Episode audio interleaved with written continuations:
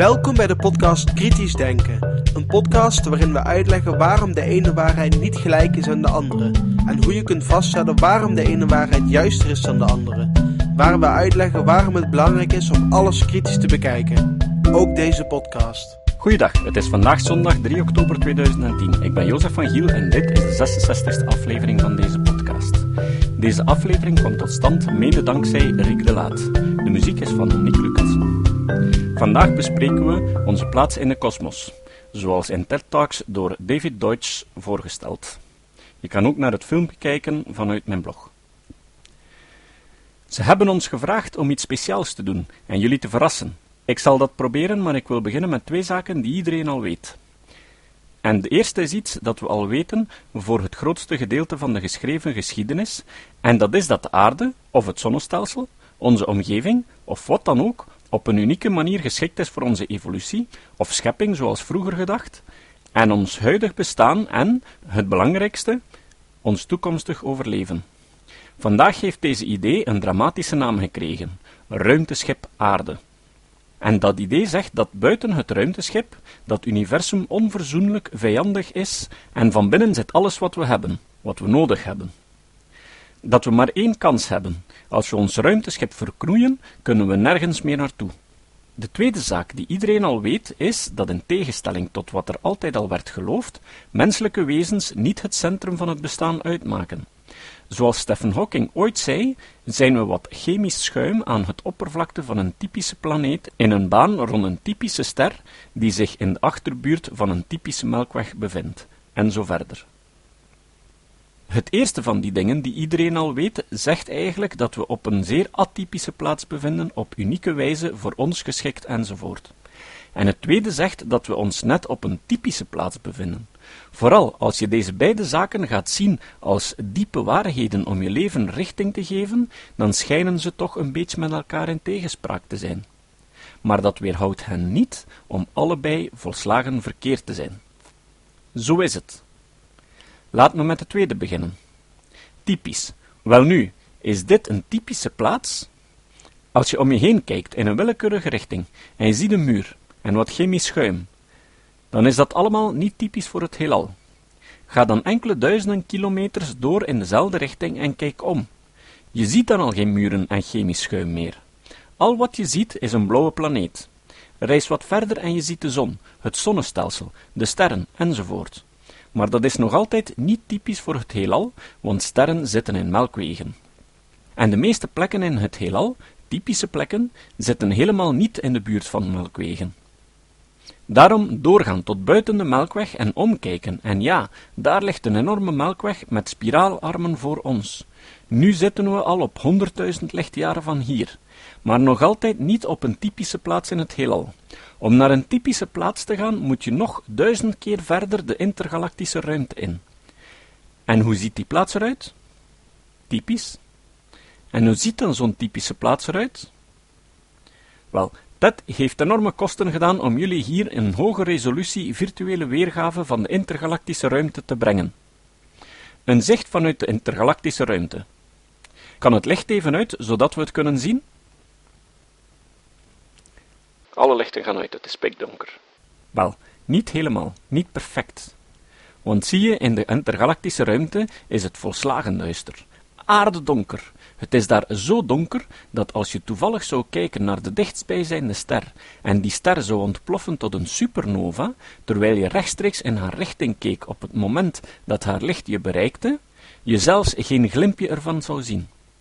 Dat is nu hoe groot en donker het heelal is. Ondanks het feit dat een supernova zo een helder schitterend gebeuren is, dat het je op slag zou doden op een afstand van meerdere lichtjaren.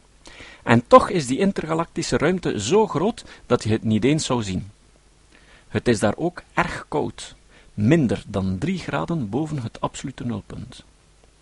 En ook zeer leeg. Het vacuüm is daar 1 miljoen maal minder dicht dan wat hier op aarde met de beste technologie te bereiken is. Zo verschillend is het daar van hier. Zo'n atypische plaats is het dus hier. Hoe kunnen we nu iets weten over een omgeving die zo ver weg is, zo verschillend, zo vreemd van alles wat we hier kennen? Wel, omdat de aarde, onze omgeving, door ons kennis creëert. Wat betekent dat? Kijk eens even verder dan waar we net geweest zijn. Ik bedoel, met een telescoop. En je zal zaken die op sterren lijken zien. We noemen ze quasars. Betekent quasi-stellar object. Dat betekent dat ze een beetje op sterren lijken. Maar het zijn geen sterren. We weten wat ze wel zijn. Miljarden jaren geleden en miljarden lichtjaren van hier balde zich het materiaal in het centrum van een melkweg samen tot een supermassief zwart gat. Intense magnetische velden gaven richting aan een deel van de energie van die gravitationele ineenstorting. Een deel van die materie werd uitgestoten in de vorm van geweldige stralen die oplichten met de schittering van biljoenen zonnen, dacht ik. Je zal moeilijk iets vinden dat meer verschilt van de fysica van het menselijk brein dan de fysica van zo'n straal. Geen moment zouden we erin kunnen overleven. Taal schiet tekort bij het willen beschrijven van hoe het is, zo'n straal. Het zou een beetje lijken op het beleven van een supernova-explosie, maar dan vlakbij en gedurende miljoenen jaren op één moment. En toch kon die gebeurtenis miljarden jaren later aan de overzijde van het universum door wat chemisch schuim nauwkeurig beschreven worden en bovenal ook gemodelleerd, voorspeld, verklaard worden wat daar in werkelijkheid gebeurde. Het ene fysische systeem, het brein, bevat een nauwkeurig werkend model van dat andere, de quasar. Niet alleen maar een oppervlakkig beeld, al zit dat er ook in, maar een verklarend model, dezelfde mathematische verbanden en dezelfde causale structuren belichamend. Dat is kennis. En als dat nog niet verbazend genoeg is, neemt de betrouwbaarheid waarmee de ene structuur op de andere lijkt toe in tijd. Dat is groei van kennis. De fysica-wetten hebben die speciale eigenschap. Fysische objecten, hoe verschillend ze ook kunnen zijn, kunnen niettemin dezelfde mathematische en causale structuren belichamen en het in de loop van de tijd steeds meer en meer doen. We zijn dus een speciaal chemisch schuim, eentje met universaliteit. De structuur ervan bevat met toenemende precisie de structuur van alles. Deze plaats is, in tegenstelling met andere plaatsen in het universum, een centrum dat in zichzelf de structurele en causale essentie van de rest van de fysische realiteit bevat. En dus, verre van onbetekenend te zijn, is het feit dat de fysica-wetten toelaten of zelfs vereisen dat dit kan gebeuren, een van de belangrijkste zaken over de fysische wereld. Hoe verkrijgt nu het zonnestelsel en onze omgeving als ons die speciale relatie met de rest van het universum? Eén ding van Stephen Hawkings opmerking is zeker waar. Ik bedoel waar, maar met de foute nadruk. Eén ding dat ervan waar is, is dat daar geen speciale fysica voor nodig is.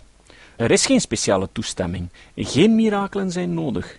Het gebeurt eenvoudigweg met drie zaken die we hier in overvloed hebben. Eén ervan is materie, omdat kennisaangroei een vorm van informatieverwerking is. Informatieverwerking is berekening. Berekening vereist een computer, en er bestaat geen gekende manier om een computer te maken zonder materie. Ook energie hebben we nodig om een computer te maken, en het belangrijkst, de media waarop we de verkregen informatie opslaan. En ten derde, minder testbaar, maar even essentieel voor de open-einde creatie van kennis, van verklaringen, is bewijsmateriaal. Onze omgeving is doordrenkt met bewijsmateriaal. Zo'n 300 jaar geleden begonnen we met het testen van bijvoorbeeld Newtons zwaartekrachtwet. Maar het bewijsmateriaal daarvoor kwam op elke vierkante meter van de aarde al miljarden jaren neer en zal daar nog miljarden jaren mee doorgaan. En dat geldt voor alle wetenschappen. Voor zover we weten ligt het bewijsmateriaal voor de meest fundamentele waarheden van alle wetenschappen voor het oprapen op onze planeet.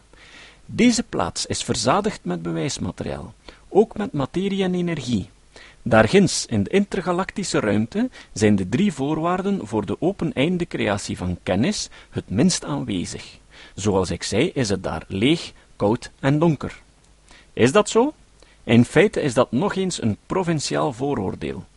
Beeld je even daar in die intergalactische ruimte een kubus in, ter grootte van ons zonnestelsel. Ons tehuis. Naar menselijke maatstaven is die kubus extreem leeg maar dat betekent nog altijd dat daar 1 miljoen ton materie in zit.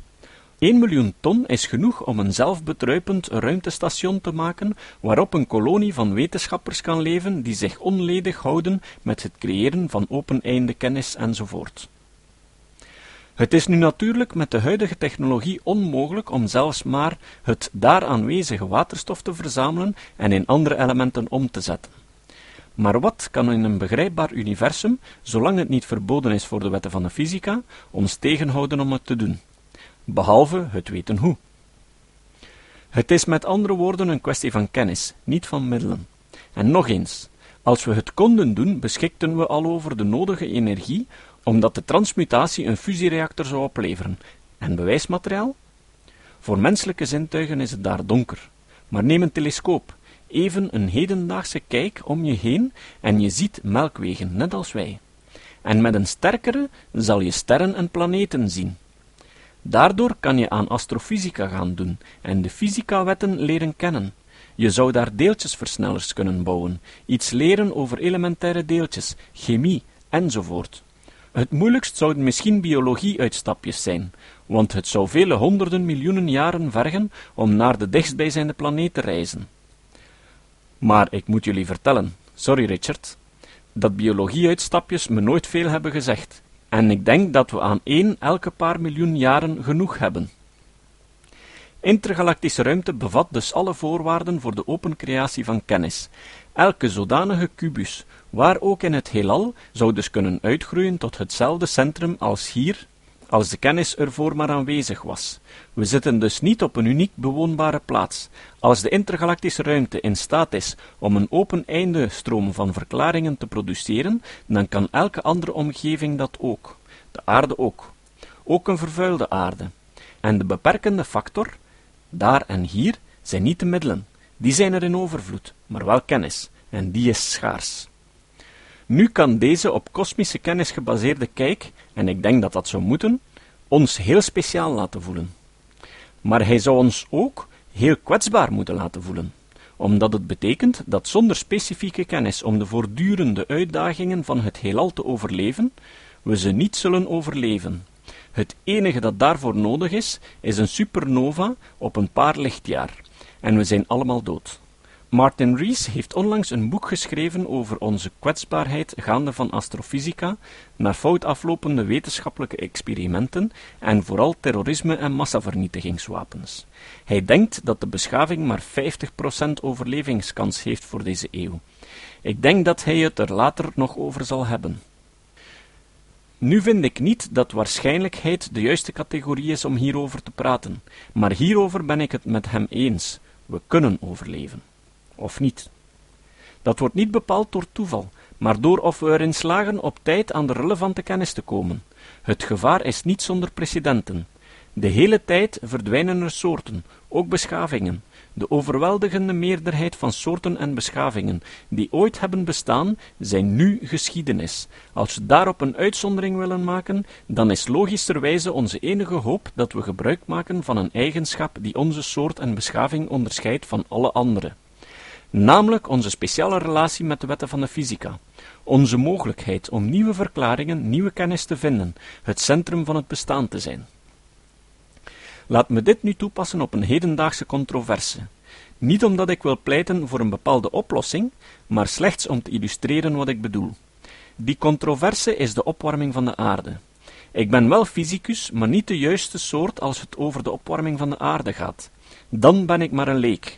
En voor een leek is het redelijk de heersende wetenschappelijke theorie serieus te nemen. En volgens die theorie is het al te laat om een ramp te voorkomen. Want als het waar is dat onze beste optie voor het ogenblik is de CO2-emissie te voorkomen door iets als het Kyoto-protocol, met zijn beperkingen voor de economie en de enorme kosten van de honderden miljarden dollars of wat dan ook, dan is dat op zichzelf al een ramp volgens elke redelijke maatstaf. En de voorgestelde acties hebben niet eens de bedoeling het probleem op te lossen, alleen maar om het een beetje uit te stellen.